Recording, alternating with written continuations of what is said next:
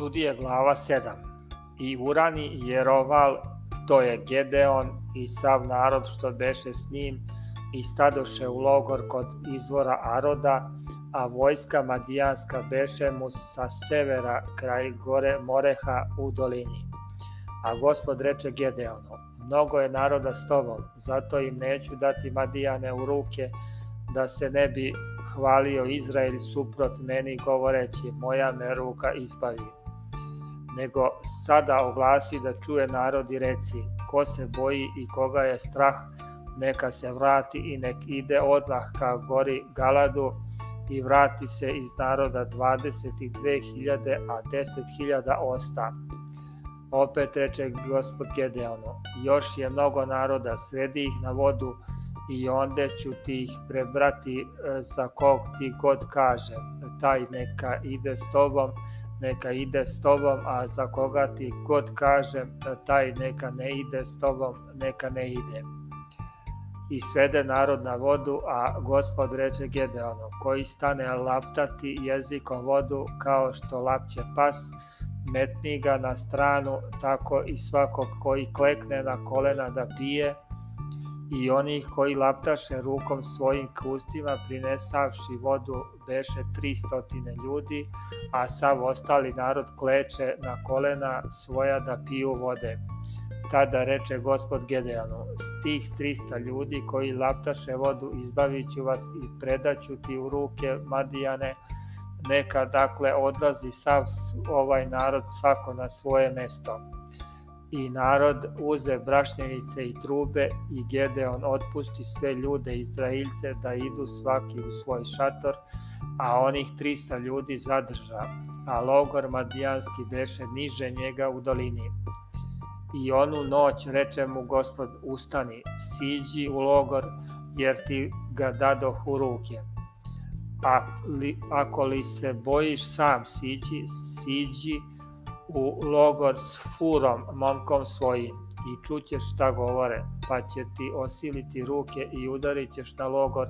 i siđe on i fura momak njegov do kraja vojske koja beše u logoru. Amadijani i Jamalici i sav narod istočni ležahu po dolini kao skakavci. Tako ih beše mnogo i kamilama njihovim ne beše broja,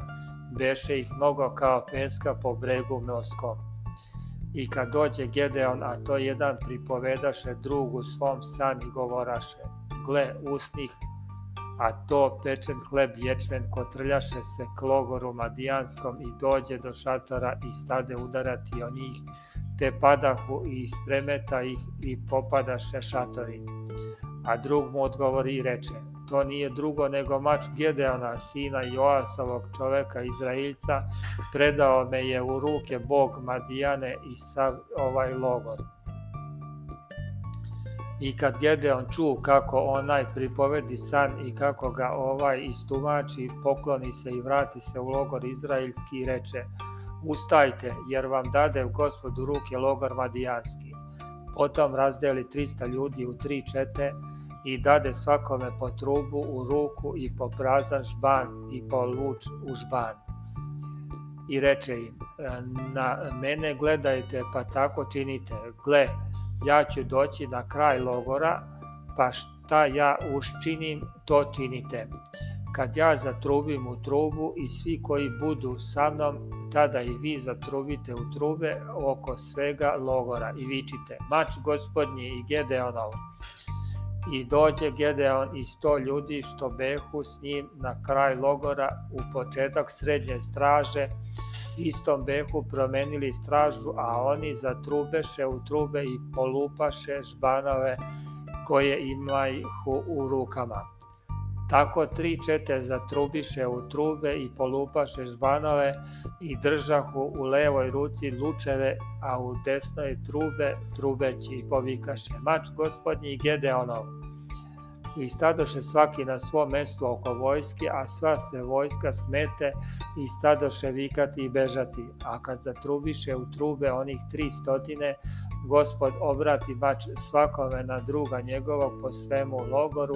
te pobeže vojska do Vet Asete u Zererat, do obale Avel Meolske kod Tavata.